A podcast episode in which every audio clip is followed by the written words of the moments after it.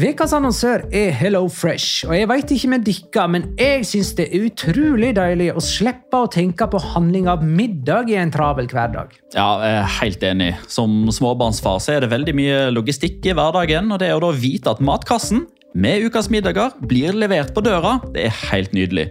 Da slipper du impulskjøp på butikken når blodsukkeret er lavt, og når du kommer hjem, kan du bare ta ut posen med dagens ingredienser fra kjøleskapet og sette i gang matlaginga. Ja, Du kan velge mellom 25 ulike retter hver uke. Og de har faktisk en egen kategori som heter Raskt og enkelt, med masse enkle og gode oppskrifter. Veldig greit å ikke måtte ty til takeaway hver gang det er hektisk på jobb. Jeg gleder meg spesielt til sterk chilikylling i min neste kasse. Jeg blir sulten bare av å tenke på det. Ja, Det er ikke feil med bacon og cheeseburger heller, da.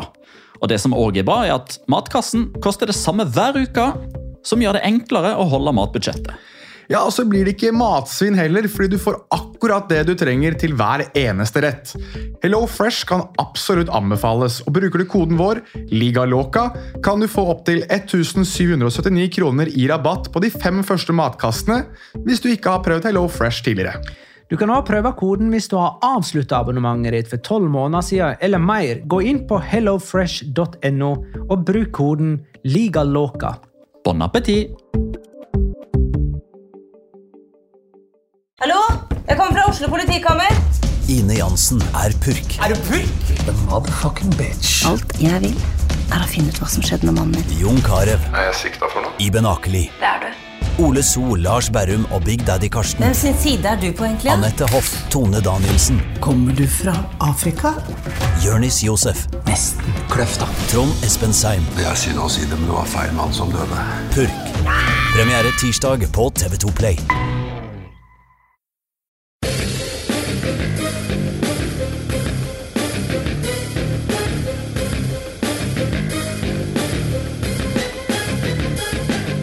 Har du sett? Barcelona vant Copa del Rey, men skal vi egentlig bry oss? Atletico topper La Liga og øker avstanden til Real Madrid, men har det egentlig noe å si?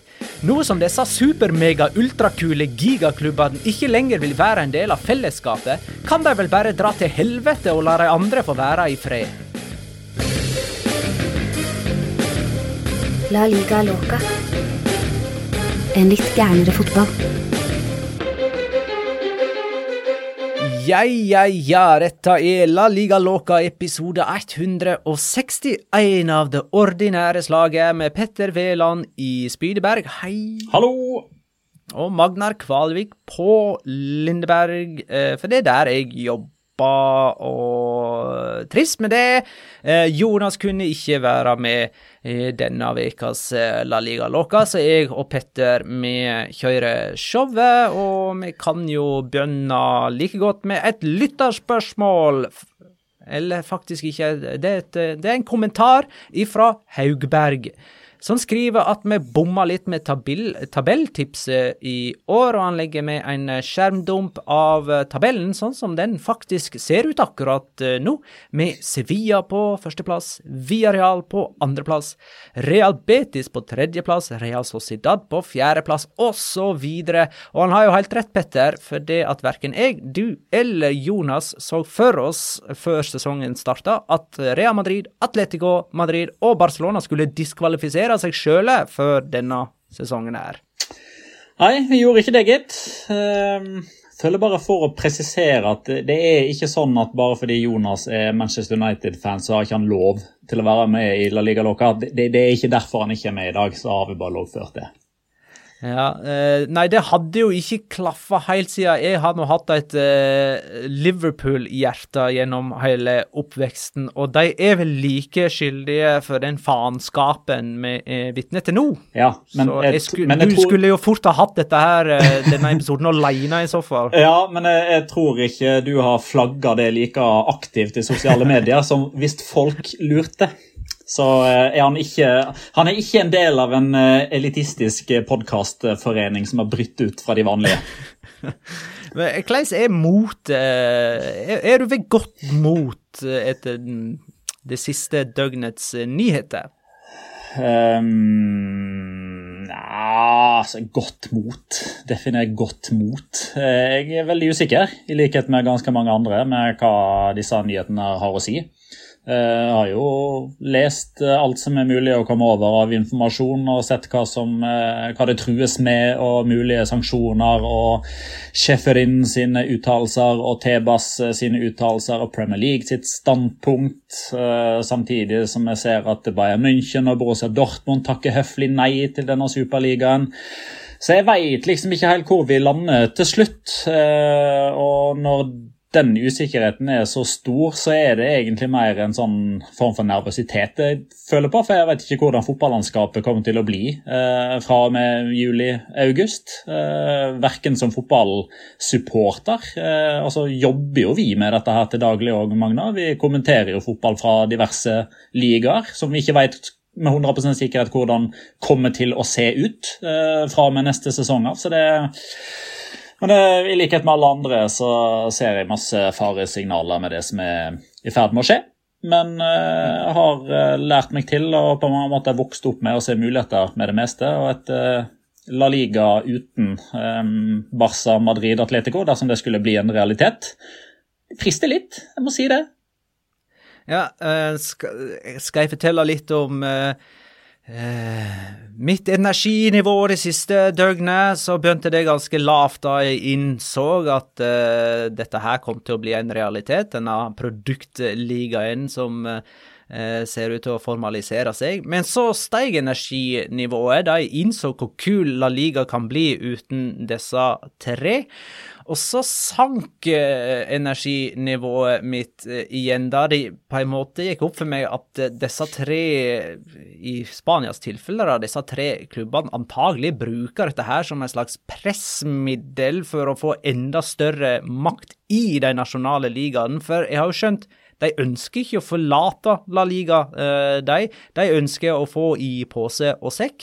Og selv om La Liga truer med å sparke dem ut av systemet, så lurer jeg litt på om det kan være tomme løfter, og at de rett og slett ikke har baller til det, og at eh, de tre største dermed kommer enda sterkere ut av dette. Men så har jeg fått litt litt positiv energi igjen når jeg ser sånne som Ander Herrera, altså en profilert fotballspiller som er aktiv i en av de klubbene som faktisk er aktuelle for en produktliga, selv om de ikke er foreløpig med på det. Uh, han går ut og tar sterk avstand til dette. Eh, men ja, skal vi heller ta og begynne en plass, og ikke eh, bare snakke om oss sjøle? Høres ut som en god idé. Ja, eh, For de som eh, er interesserte i hvordan denne produktligaen skal se ut, og hvordan strukturen kommer til å være, så får jeg finne en annen podkast eller lese en annen nettside, for det kommer ikke vi til å gå i dybden på. Vi kommer til å snakke om hvilke konsekvenser dette kan ha for La Liga, og hvem som egentlig står bak eh, dette produktligaforslaget, med tanke på at eh, La Liga-klubbene jo er medlemsstyrte, mens det ser ut som at medlemmene ikke har hatt så veldig mye de skulle ha sagt. Vi kan jo ta det først, da, fra Petter Ludvigsen. Hva hen ble det av medlemmenes stemme i Barcelona og Real Madrid oppi alt dette? Ble alt om medlemsstyrt klubb spylt bort og, ned etter henholdsvis Laporta og Perez Eh, ble gjenvalgt som president? Godt spørsmål.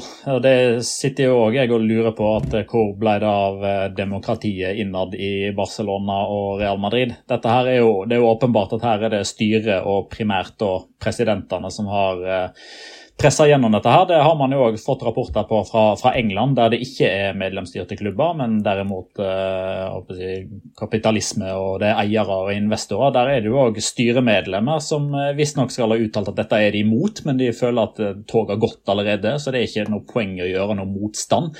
Um, dette her har jo Barcelona-styret uh, og Real Madrid-styret godkjent, for ellers kunne man aldri ha vært med på en sånn stiftelsesreise uh, som de har vært med på nå. Men klubbens medlemmer har jo ikke blitt spurt. Eh, de har ikke fått sagt si mening, og det er jo veldig rart når eh, to ja, Begge klubbene er vel godt over 120 år, og de har vært medlemsstyrte i veldig lang tid nå. Det som er hele poenget med at de er medlemsstyrte, er jo bl.a. at de ikke kan havne i, i eierskap til sjeiker fra Midtøsten eller oligarker fra Russland f.eks. Det er jo fordi man eh, må ha vært eh, medlem i klubben i så og så lang tid, og man må kunne garantere for en viss pengesum, sånn at man ikke kjører klubben rett i grøfta økonomisk. Men dette her er jo et av de eh, mest avgjørende standpunktene de to klubbene har tatt eh, egentlig gjennom hele klubbens historie, og medlemmene har ikke sagt en drit ennå.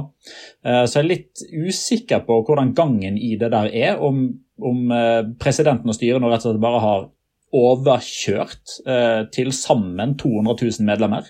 Eh, der eh, majoriteten får man jo anta hadde stemt nei.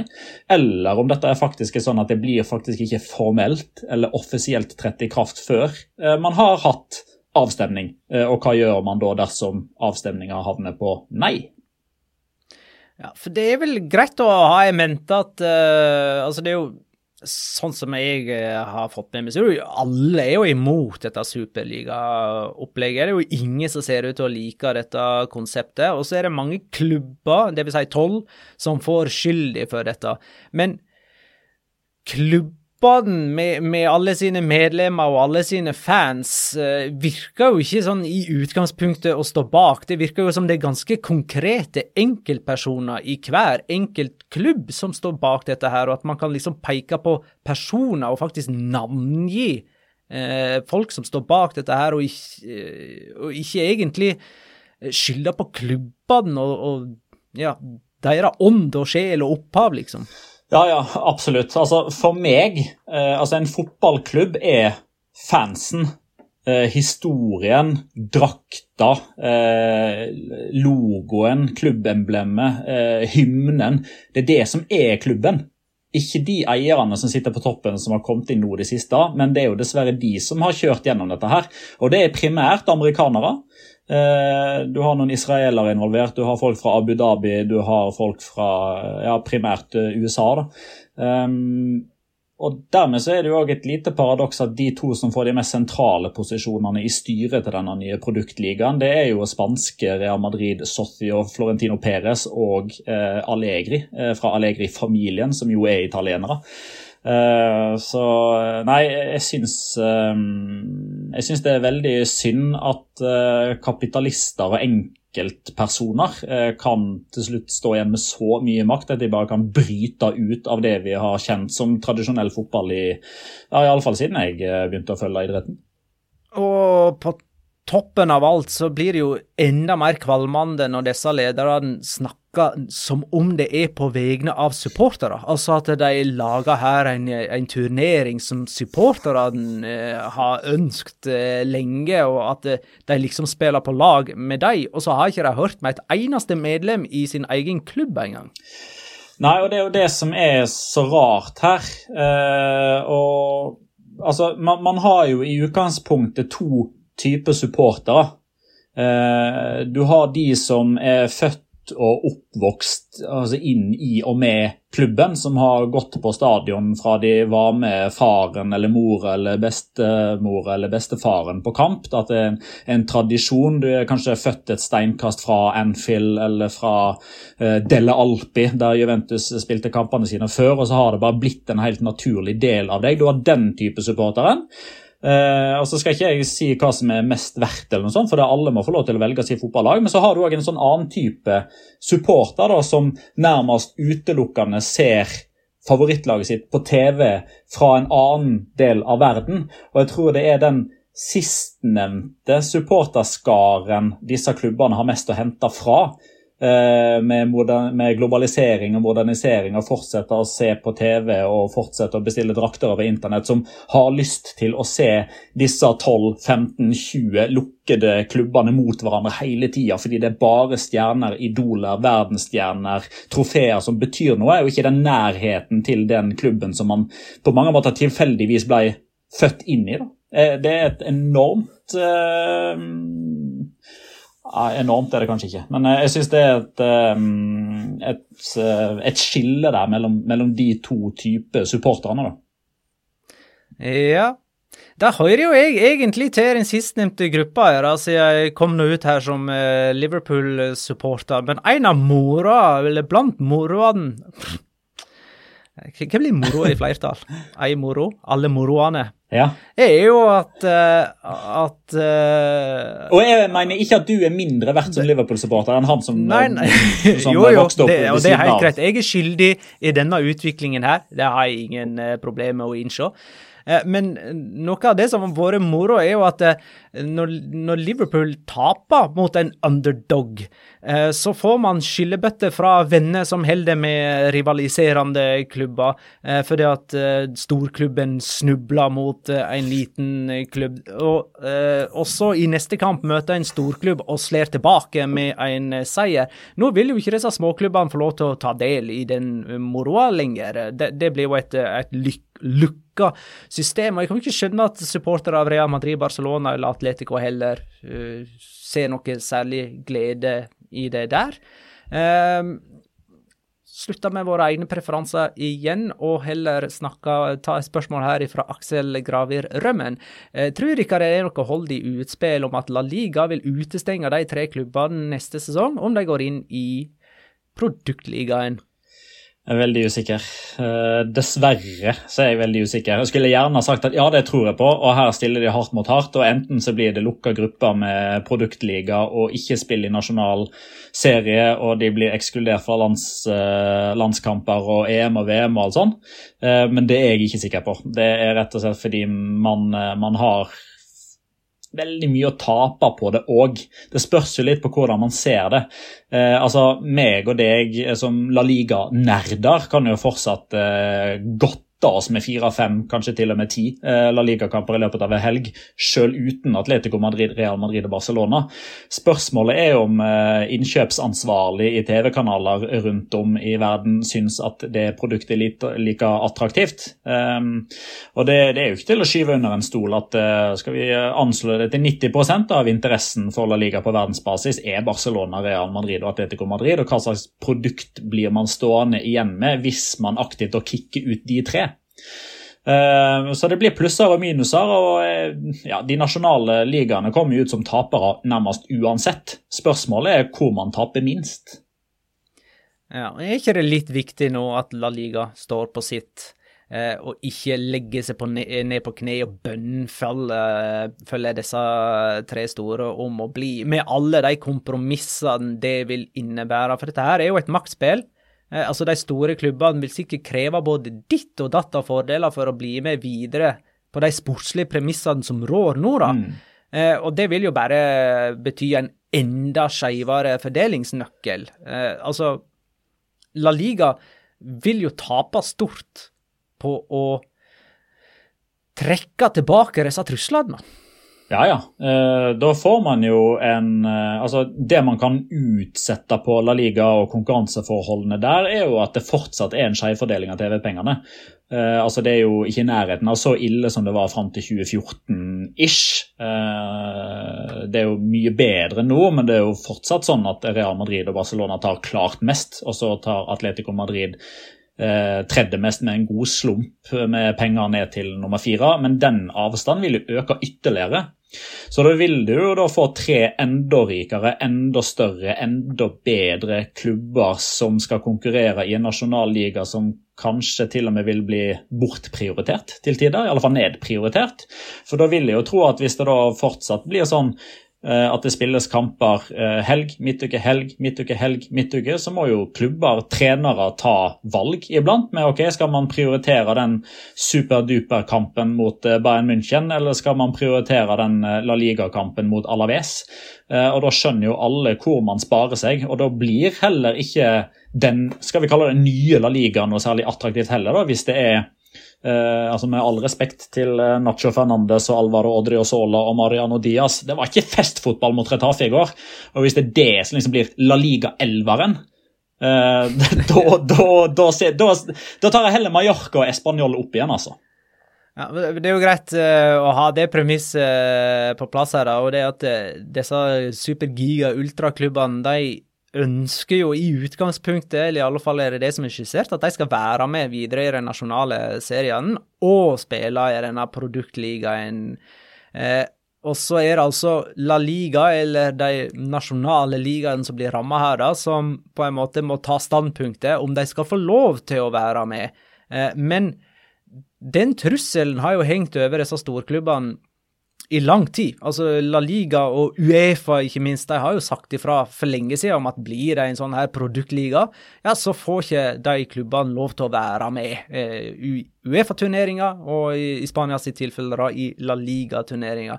Så de har jo på en måte gått inn i dette her, Barcelona, Atletico og Real Madrid, med viten og vilje, med den trusselen hengende over seg. Og det ser de jo ut til å gi blanke blaffen i, da.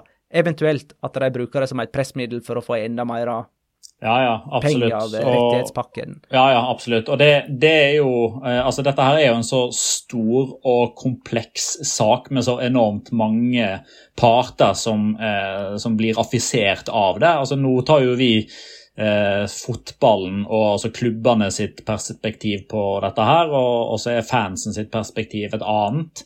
Um, og så har du TV-kanaler som har bladd opp masse penger. Uh, eh, F.eks. her i Norge da, så har jo Nent kjøpt rettighetene til Premier League fra neste år av. Det vil nok ha litt å si om topp seks er med eller ikke. Uh, TV 2 sitter jo med hele La Liga fra og med august av. Det har nok litt å si for de om Barcelona, Real Madrid og Atletico Madrid er med eller ikke. TV 2 har kjøpt Champions League. Per nå så er det usikkert om det i det hele tatt blir noe av. Uh, de rettighetshaverne får jo faktisk ikke det de har betalt for. Nei, nei, nei. Så det vil jo bli rettslige steg. Uh, og, og, det, og, det, er nettopp det som gjør at jeg nå sitter og tenker at det er jo nesten klink umulig å få en form for dom i en rettssak mellom så mange forskjellige impliserte parter allerede før august, når den nye sesongen skal starte.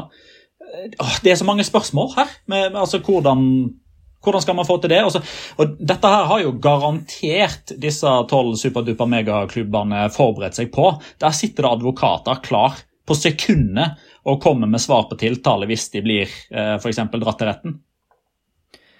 Og har ikke de tre La Liga-klubbenes intensjoner nå ikke bare ødelagt for fotballens idé for framtiden, men òg store deler av inneværende sesong? Altså Har ikke både Atletico, Real Madrid og Barcelona implisitt gitt klart uttrykk for at nasjonal liga ikke er noe de verdsetter? Så har ikke deres sanne ansikt og deres forhold til nasjonal liga nå kommet veldig tydelig til uttrykk. Og skal vi sitte og heie på noen for å vinne en eh, sesonginnspurt nå, i en sesong som virker nesten ubetydelig. For det at de klubbene som er med og kjemper om titlene, de ønsker egentlig ikke å være der. Ja, det er, det er, veldig gode poenger du kommer med. Eh, og det er jo ja, en av veldig mange årsaker til at man sitter med den usikkerheten her nå. Altså, hva, hva betyr det egentlig? Altså, jeg lurer på om dette her og Nå er jeg inne på dette med energinivået igjen, som har gått i, i bølger det siste døgnet. Om, om, dette kanskje sugde mye av siste rest av fotballglede ut av meg. Altså, for du, altså, jeg klarer jo knapt å bry meg jeg bryr meg nesten ikke eh, om Norge kvalifiserer seg til VM, for det at måten det mesterskapet ble tildelt på, og måten det blir for, forberedt på, og måten det kommer til å bli gjennomført på, gjør meg kvalm. Eh, og hvis noen skulle være i tvil, VM i Qatar er for meg verre enn denne produktligaen som er under planlegging nå. Men jeg har i det minste hatt litt glede av klubbfotball gjennom dette siste møkkaåret. Og nå som disse nasjonale seriene står for fall fordi at disse arrogante toppklubbene underminerer betydningen av dem noe så innmari, så sitter jeg jo igjen med en følelse av at sesonginnspurten denne våren bare er et pliktløp. da, at uh, De største klubbene de skal bare fullføre dette her for å bli ferdig med det før de lager noe eget, mens uh, de mindre klubbene uh, fullfører uten å vite hvilken posisjon de ender opp å ha betydning, egentlig. Altså, Nå kan det jo hende at de tre nederste lagene blir værende i La Liga neste sesong, eh, som erstattere for, mm. for, Real Madrid, eh, Barcelona og Atletico. Vi vet jo ikke hvilke tabellposisjoner nå som egentlig betyr noe. Nei, Det, og en annen ting som jeg har tenkt på nå, det er jo timingen på dette her. Um, altså Litt tilbake igjen til den spanske medlemsstyrte med at både Joan Laporta og Florentino Perez nettopp er valgt til nye presidenter i Barcelona og Real Madrid. og Spesielt timingen i, i Real Madrid-henseende er jo spesiell. Altså På slutten av den uka Florentino Perez ble gjenvalgt for fire nye år, uh, så kommer denne nyheten. og Det er han som er satt til å være president i den nye produktligaen. Uh, samtidig så kommer det jo òg uh, altså åtte minutter over midnatt eh, norsk tid, altså engelsk tid, så var det fortsatt søndag 18. april, så det kom dagen før Uefa skulle eh, presentere sitt nye Champions League-format. så Det går jo i direkte konkurranse med det, men her kan da disse uh, superduper-klubbene si at vi var ute først med å presentere modellen. Legger også merke til at altså 0008 uh, norsk tid, 2308 engelsk tid, hva er det? Jo, det er kjempenyhetstid i USA. Den timinga tror jeg heller ikke er tilfeldig. Og så tror jeg Det er kanskje ikke timing. Uh, det er kanskje ikke noe disse superduper-klubbene hadde planlagt for, men der er de heldige med at de slipper nyheten når det ikke er folk på tribunen. Tenk deg opprøret som hadde kommet på Ellen Road i kveld med, med Leeds-Liverpool. Eh, tenk deg eh, protestene blant Real Madrid og Barcelona-supporterne neste gang de skulle spille på et fullsatt Santiago Bernabeu eller Camp Nou. Da tror jeg det hadde sittet enda lenger inne, og da tror jeg det hadde gått enda litt mer inn på disse kalde, kyniske pengefolkene. Men om jeg tror de hadde endra mening? Ikke faen. Disse kalde, kyniske, kalkulerte, bryr seg ikke om dårlig PR. Eh, men igjen, der, altså De bruker jo pandemien for alt det, alt det er verdt i denne kommunikasjonen da, om at ja, pandemien har gått utover de største klubbene. Yeah! Jo, men uh, det er jo en konsekvens av at uh, de som styrer og steller disse store klubbene, egentlig ikke er særlig dyktige på det. Altså, De går jo i dundrende underskudd og trenger løsninger som garanterer store inntekter. Det er jo en inkompetanse i arbeidet deres som gjør at de må finne en eller annen løsning som sikrer dem inntekter, og at man kan gå i plusset. Det er jo rett og slett bare dårlig håndverk som skaper et nytt dårlig håndverk, liksom. Eh, du nevnte Leeds Liverpool. Jeg har sett noen skjermdumper fra Leeds sine nettsider, og det virker som hvis det er um, genuint det der, så har de uh, slutta å omtale Liverpool, Manchester United og Tottenham ved navn. Uh, Liverpool er nå Mercyside Red. Merseyside Red. Manchester United er Trafford Red, og Tottenham er Uh, London White. Men hva skjer med Arsenal? Blir det London Red og Chelsea London ja, Blue? Ja, det må vel bli det. Dette ja. er jo eh, på den lista over Leeds sine neste motstandere, eh, tror jeg. Så i kveld møter de altså Mercyside Red. det, og, det, kan jeg hylle. Ja, ikke sant? Det jeg lurer på da, er jo om spanske klubber har tatt noe standpunkt. Ja, altså da, de som er mindre enn de tre største?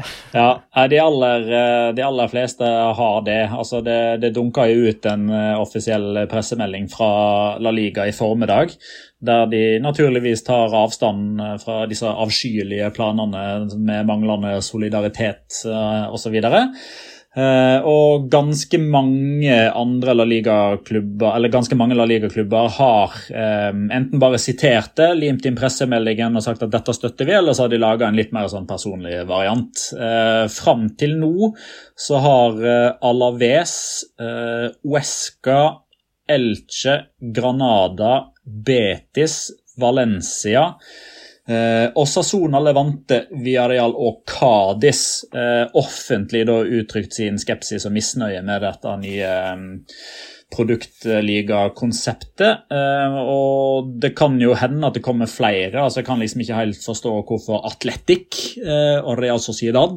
eh, ikke skal være mot dette. men den klubben som kanskje glimrer med sitt fravær, og som det er si, verdt å kanskje legge merke til, det er jo Sevilla. Eh, som ennå ikke har tatt noe offisielt eh, standpunkt. I hvert fall ikke per 1833, mandag 19.4.2021. Um, og så kan man jo spekulere i hvorfor. Jeg tror det er rett og slett fordi jeg tror Sevilla er en av klubbene som enten har fått beskjed om at de er blant de som sitter på gjerdet og kan kanskje vente på en invitasjon, eller så håper de at de er en av klubbene som sitter på gjerdet og venter på en invitasjon. Uh, for det er jo klubber som har takka nei. Uh, Dortmund har takka nei. Uh, Bayern München har takka nei. Leipzig har sannsynligvis takka nei. Porto kommer det rapporter på har takka nei. PSG er jo enn så lenge ikke med i dette gildet. Så da må man jo klatre lenger ned på rangstigen. Da blir det jo ikke de 15 rikeste klubbene, så da må man gå på nummer 16, 17, 18, 19 osv. Og der befinner nok Sevilla seg eh, som eh, Spanias nå fjerde rikeste og største klubb, med masse trofeer fra Europa de siste 15 årene. I motsetning til f.eks. Milan og Arsenal, som ikke har vunnet noe som helst eh, de siste årene. Milan sågar ikke spilt Champions League på mange sesonger. Og eh, min far han fyller 60 neste år. Han var ikke født forrige gang Tottenham vant den hjemlige ligaen, men de skal være med. Det er ganske utrolig, det der. Eh, det er ingen av de som har liksom uttala seg imot eh, dette produktligakonseptet, som har sagt liksom lykke til, da, Real Madrid, Barcelona og Atletico. Takk for uh, følget. Vi fortsetter som før uten dere. Nei, det er de ikke, uh, og det, det, tror jeg nok de gjør lurt i. Uh, oh, jeg har lyst på en sånn her, jeg har lyst på en sånn strid. Jeg har lyst til at uh, de andre klubbene skal bare sier ja vel, da starter vi på nytt uten dere som har vært bærebjelkene for vår liga i så mange år. Nå får vi nye bærebjelker. Ja, eh, jeg ser eh, absolutt hvor du vil hen. Eh, men jeg tror nok de fleste presidenter rundt om i disse litt mindre klubbene nok ikke har lyst til å ha en evig nemesis i form av Real Madrid, Atletico Madrid og eller Barcelona mot seg resten av historien. Men det verste er jo, hvis det stemmer det du spekulerer i vedrørende Sevilla, da, det er jo om man ikke tør å uttale seg eh, liksom i håp om å få en invitasjon man kan takke ja til. Det går ikke, altså. Og, og, og det, min, drøm, det, min, drøm, bare sånn for å ha sagt det om dette her konseptet, det er at det blir en realitet. At Superligaen blir en realitet. Og at alle disse lagene blir sparka ut av sine nasjonale serier. Blir sparka ut av alle eh, Uefa-turneringer. Eh, og at de da bare får seila sin egen sjø. Det hadde òg vært kjempemoro om de dermed ble stående utafor overgangsmarkedet, sånn at det ikke gikk an å kjøpe seg nye spillere inn i disse klubbene, og dermed ikke kan vokse som klubber. Det hadde vært helt mega. Sånn at de kan bare tjene penger uten å utvikle klubber og bare bli svakere og svakere. Mm. Sevilla er for øvrig nå en, en 16-åring som har så lyst til å bli invitert til den festen. Og Preben, som arrangerer, han er enten jævlig kul eller skikkelig dust. Avhengig av om han blir invitert eller ikke. Ja, skal vi se om uh, vi har noen uh, flere lytterspørsmål. Si Alfutur skriver hvilke sanksjoner tror dere Tebas tar i bruk mot uh, klubbene som er med i uh, produktligaen denne sesongen? Altså, kan, Tebas er jo sterk motstander av dette her. Han ja. er jo La Liga-president, og han har jo i lang, lang tid på en måte støtta seg på de tre store ikke sant? Han mm. virker nesten naken uten. Men kan han vise baller uten klær? Eh, og, og, rett og slett ty til straff inneværende sesong? Jeg veit ikke. Uh, dette her er jo uh, altså på engelsk altså unprecedented, eller ikke det det heter. Altså, det, dette har jo aldri skjedd før. Uh, man kan jo ikke gå tilbake og se hva de gjorde i 2001, da det skjedde da. Uh, altså jeg vet ikke om La Liga har mandat eller noe i regelverket som tilsier at uh, det å knytte seg til en uavhengig superduper liga uh, i stedet for Champions League, at det liksom skal bety 15 poeng i minus eller noe sånt. Altså der, der, har man ikke noe, der har man ikke noe regelbok å forholde seg til. Dette her er helt upløyd mark, det er utråkka sti. Uh, han bruser jo naturligvis med fjærene. Jeg er spent på hvor mye han faktisk kan gjøre. Jeg vet at det er mye han har lyst til å gjøre, men hvor mye han faktisk kan gjøre, Eh, for det man ikke skal glemme her er at La Liga er jo medlemsorganisasjonen som disse 20 klubbene her er medlemmer av. Så ja, det er de som bestemmer, men samtidig så er det jo et regelverk som går begge veier. Så klubbene har forplikta seg til noe, men La Liga har jo òg forplikta seg til noe. Eh, det jeg kanskje tenker kan være aktuelt, i alle fall for Tebas, eller fra Tebas sitt perspektiv, er jo å strupe penger fra TV-avtalen fordi Tebas kan mene at Atletico Madrid, Real Madrid og Barcelona nå gjør alt som står i sin makt for å svekke La Liga-produktet. Så da er straffen at ok, greit, men da fryser vi pengene. Ja. Ren Det er jo, an ja, det er jo andre trusler òg som henger over ja, disse klubbene, for å, å si det sånn. da. Fifa truer jo med at alle spillere som blir med i denne produktligaen, ikke skal få spille landskamper, og dermed heller ikke vil få være med i VM Ja, det var det, vel, Qatar. det var det vel Uefa som sa. Fifa har vel enn så lenge ikke sagt noe konkret. Jeg venter at Infantino skal si noe på et sånn Uefa Executive Committee-møte i morgen, men det er Shefferin, Uefa-presidenten, som har vært ute og sagt det foreløpig. Fifa har vært veldig vage og satser på dialog og litt sånn foreløpig. Ok. Ja, for sånn som jeg har forstått det, men dette her blir jo også spekulasjoner, så er jo det en av grunnene til at PSG ikke har gått inn i denne produktligaen ennå, er jo at de blir eid av Qatar, som jo skal arrangere VM i 2022, og må da være på lag med Fifa. Og hvis de går inn i produktligaen, så er de plutselig ikke på lag med Fifa lenger, og da vil jo Qatar få store problemer med sitt eh, verdensmesterskap. Ja. Og hvis det da er sånn at Fifa nekter spillere som er med i produktligaen å få være med i VM, ja, så veit jeg egentlig ikke hvor bra eller negativt det er. På ett på ei side sett så, så er det jo nettopp de spillerne der som bør eh, ta del i det grådige, blodige mesterskapet som skal arrangeres der. Sett fra ei anna side så hadde jo ingenting vært bedre enn at det mesterskapet ble en sportslig fiasko, ettersom det har vært en daglig katastrofe i ti år allerede. Det er jo noen her som spør kan vi få en guide for hvilket lag man kan holde med nå, eh, slik som uh, Vikestad tydeligvis har gjort for Premier League. da. Det er mulig han har gjort noe lignende i Premier League-podden som kom ut eh, tidligere i dag. Altså gi en guide for hvilket lag vi skal følge tettere når uh, Real Madrid, Barcelona og Atletico forlater La Liga. Ja, Hvem som da skal erstatte de, var det det? Ja, hvem kan vi heie på, og hvem, eh, eh, hvem skal vi trykke til vårt eh, bryst? Altså, jeg mener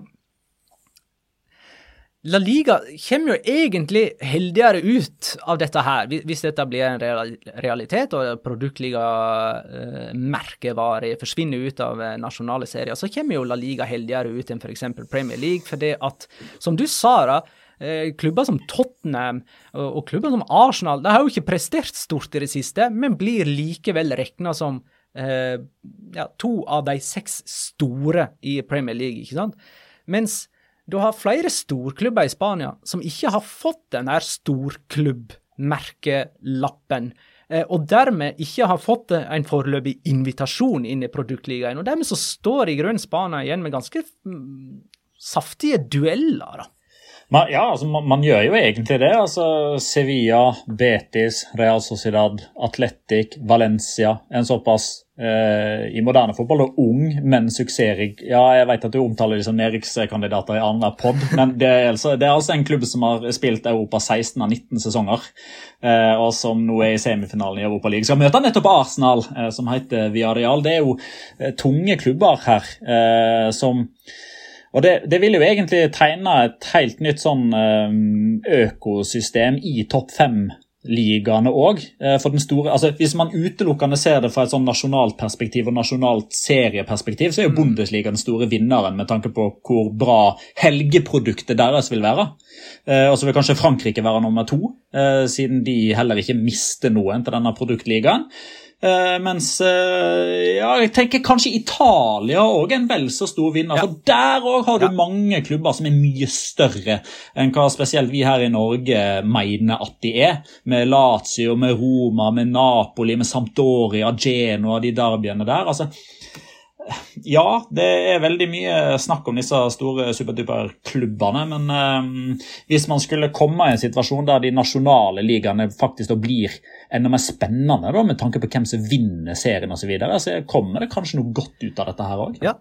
Eh, det kan hende at disse seriene får seg en knekk idet dette skjer. Men der blir det jo på en måte et større voksepotensial enn det denne produktligaen vil ha. For der vil jo eh, klubbene Mm. som tar del der, får jo enorme summer bare for å takke ja. Men voksegrunnlaget blir jo veldig håp- dårlig. Ja, ja. Altså, håpet mitt i så måte det er jo at alle de supporter altså, nå, nå snakker jeg ikke om de som de andre, fordi jeg er ikke en del av de. Jeg er ikke supporter av et topplag. Eh, Viareal og Lyn kommer aldri til å bli invitert i en sånn eh, eksklusiv eh, elite. Eh, men, Sogndal blir det snart. ja, Sogndal snart, eh, så du kan sette deg inn i dette. Men det er jo veldig mange eh, supportere av disse tolv klubbene på sosiale medier nå som, eh, som avbestiller abonnement på TV-kanalen, som ikke kommer til å fornye sesongkortene, som hiver skjerfene, og som ikke skal se kampene resten av sesongen nå. Hvis de klarer å beholde kjærligheten for fotballen, så må jo de da Da må det være lov å bytte lag! Og Da må de jo velge noen av de lagene som ikke skal i denne eh, elitistiske produktligaen. Og Da er det jo et veldig stort eh, antall mennesker som da begynner å følge disse nye nasjonale ligaene. Nå vet jeg at vi er veldig på eventualiteter og hvis som at det dersom at det, men eh, det, det finnes liksom et lys i tunnelen her som jeg har lyst til å fokusere på. Ja. Og jeg som har hatt et øye til Liverpool i England, og til Sevilla i Spania Jeg sitter jo nå da og skjelver. liksom, la nå no, meg få beholde Sevilla, i alle fall. Liksom. Ikke sant? Jeg ser etter flere spørsmål, men jeg lurer på om vi skal lurer, Har vi kanskje vært inne på dette spørsmålet fra Lars? Hvordan er reaksjonene fra fansen i Spania? Er det samme raseri som i England? Um, Det er nok ikke like mye og like høyt, men det er nok fordi dette går i enda større grad utover Premier League, med tanke på at det er seks lag, så det er flere supportere. Uh, og, og altså, men eh, naturligvis eh, stor skepsis og misnøye i Spania òg. Jeg har i alle fall ikke sett noen som bejubler dette forslaget. Skal vi snakke litt om La Liga, da, eller? Kan vi ikke det? Vær så snill. Ehm, runde 31, kamp Nei, for kamp. Det. Jeg, jeg veit at det egentlig er sånn offisielt runde 33, men det er Yes. spilleomgang eh, 31 i kronologisk rekke. Åh, alle kampene gikk på søndag. Og det er jo òg et lite sånn paradoks, når vi liksom får en flashback til gode gamle dager med en hovedrunde på én dag, samme kvelden som eh, den moderne fotballen viser sitt verste ansikt. Det var godt å ha alle kamper samla på én dag, og at det var flere kamper som gikk samtidig, og at man kunne liksom følge litt sånn live oppdatering fra ja, kamper som gjaldt eh, rivaliserende klubber i de samme sjiktet på tabellen. Eh, Sona Elche 2-0. Eh, det var Osasuna sin andre strake seier. De hadde jo tre strake 0-0-kamper før det løsna mot Villarreal i forrige runde. Eh, og så tok de med seg boosten derifra inn i dette møtet med Elche, som på si side ligger nest sist på tabellen. Er det noe du vil si her?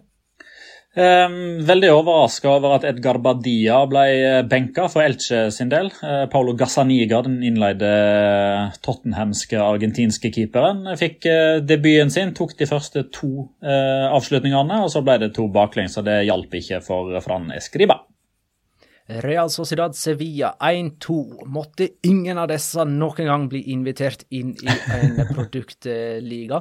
Sevilla vant borte mot Celta Vigo forrige mandag, og så slo de Atletico hjemme runden før det. Det betyr tre sterke seire på rad for Sevilla, og akkurat nå er de faktisk det fjerde laget i kamp om La Liga-tittelen med sju runder igjen. Det vil si at i realiteten så topper Sevilla La Liga. Selv Med om de er 15 poeng. poeng.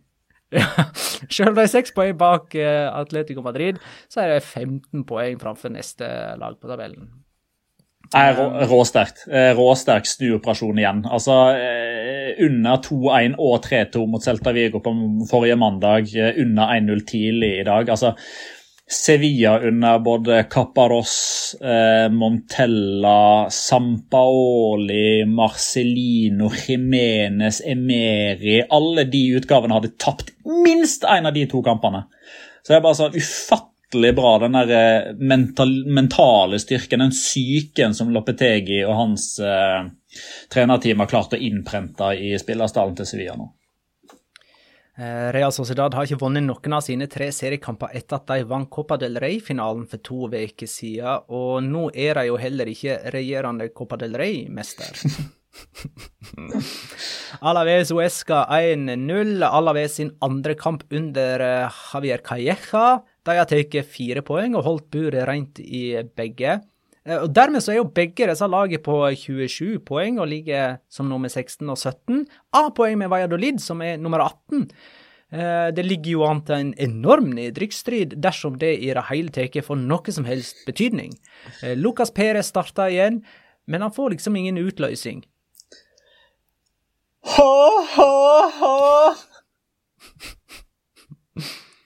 Det var så skuffende at det der gikk både deg og Jonas hus forbi forrige mandag. Jeg kan, jeg kan ikke ta den hver mandag. Nei. Uh, Så dette var siste gang. Ja, det er bare å beklage. Vi burde virkelig tatt den. Men vi la lista, vi la lista enten fryktelig høyt eller fryktelig lavt med estisk høyreback og alt det der i forkant. Uh, uff, kan vi late som det aldri har skjedd, eller? Ja, hva da?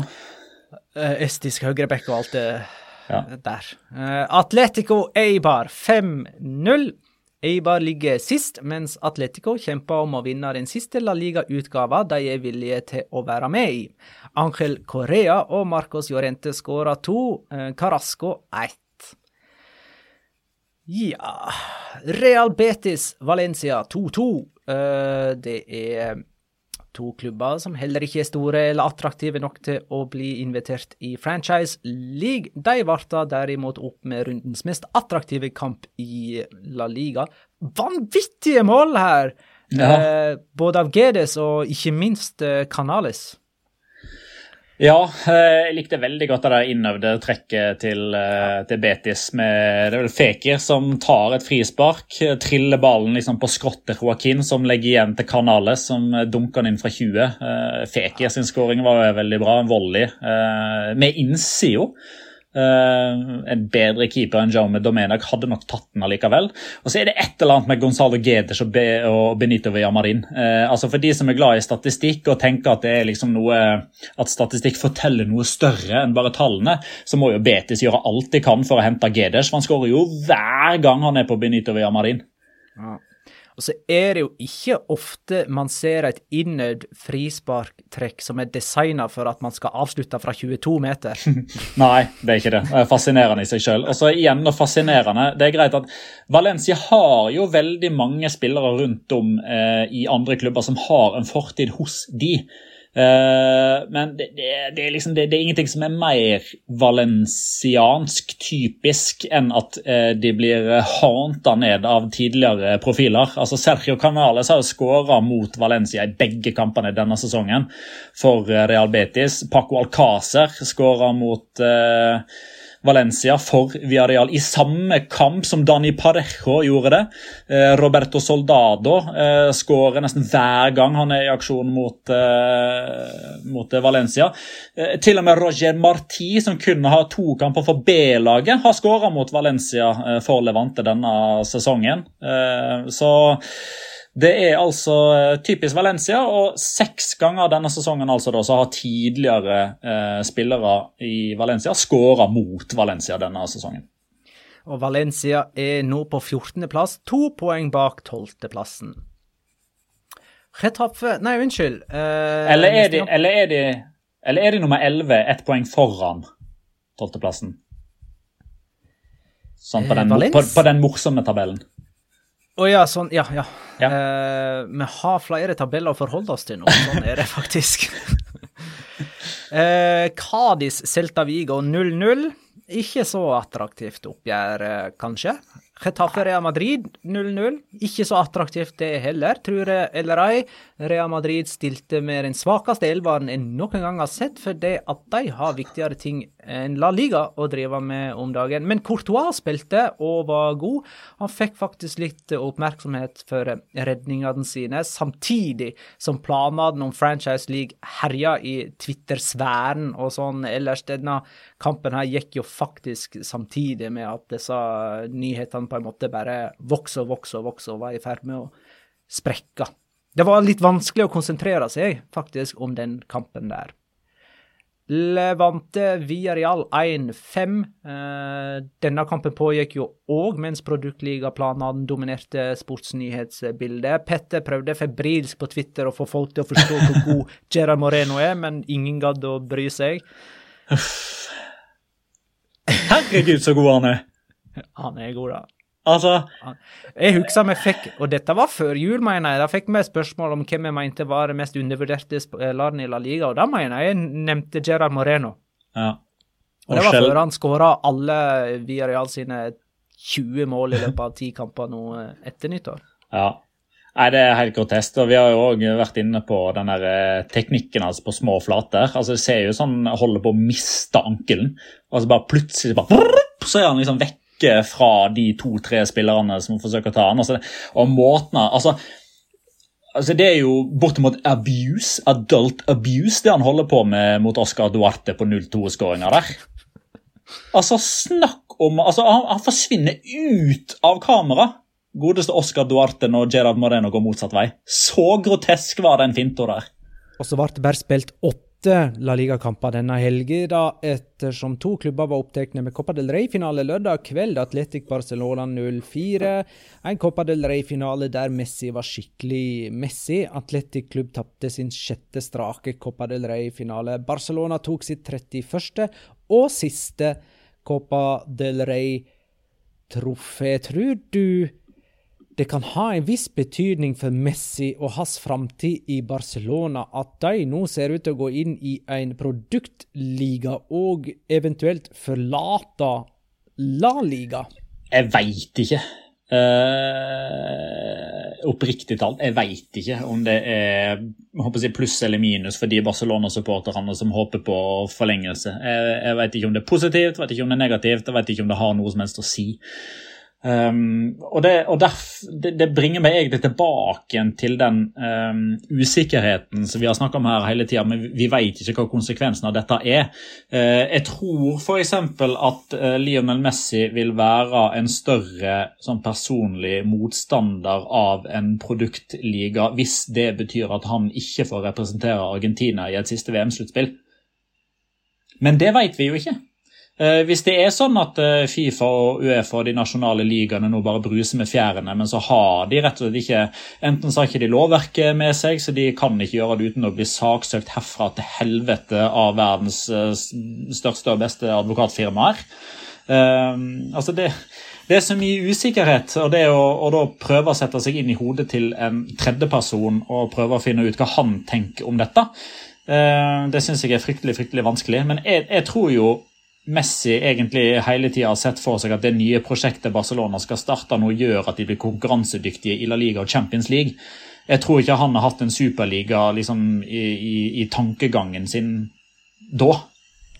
Men det var jo litt sånn vintage Barcelona i eh, denne finalen. Litt sånn som i gode gamle dager, rent eh, estetisk og spillestilsmessig. Absolutt. Um, jeg syns uh, fortsatt det ser ut som at Ronald Koeman er i ferd med å ta dette laget mange steg i riktig retning, sammenlignet med hvor de var uh, i oktober, november, desember. Så er veldig mye spor av god Barcelona-fotball, som jo åpenbart kommer som følge av at Koeman har funnet ut hvordan han skal få mest mulig ut av de spillerne han har tilgjengelig. Han har fått tilbake den beste versjonen av Messi. Frenke de Jong er bedre enn hva han noen gang har vært igjen. Griezmann og Dembélé skifter litt på å være dårlig og avgjørende. Uh, Pedri riktignok inn i en litt sånn blindgate nå, men det tror jeg har mer å gjøre med en lang sesong for hans del. At han plutselig har gått fra å være en Las Palmas-spiller til å spille nesten alt for, uh, for Barcelona.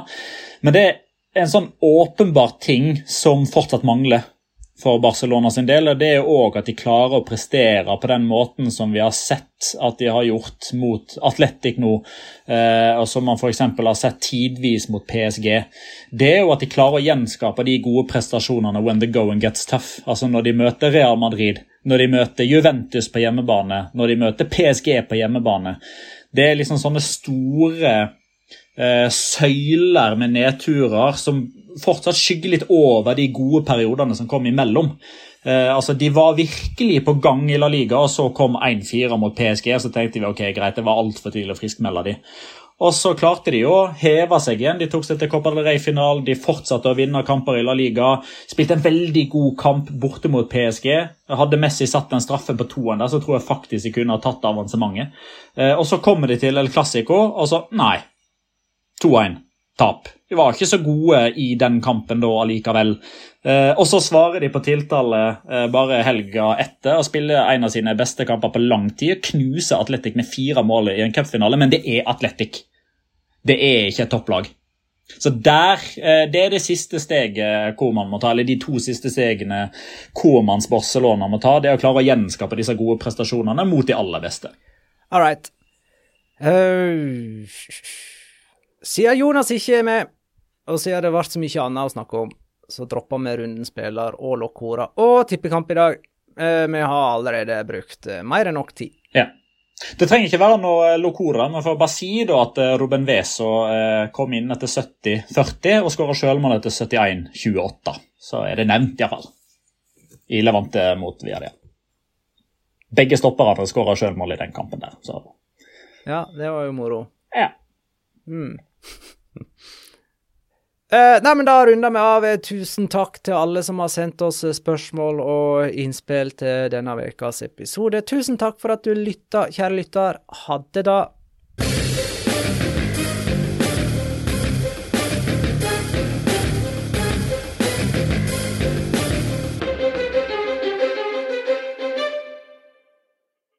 Har du et enkeltpersonforetak eller en liten bedrift? Da er du sikkert lei av å høre meg snakke om hvor enkelt det er med kvitteringer og bilag i fiken, så vi eh, gir oss her, vi.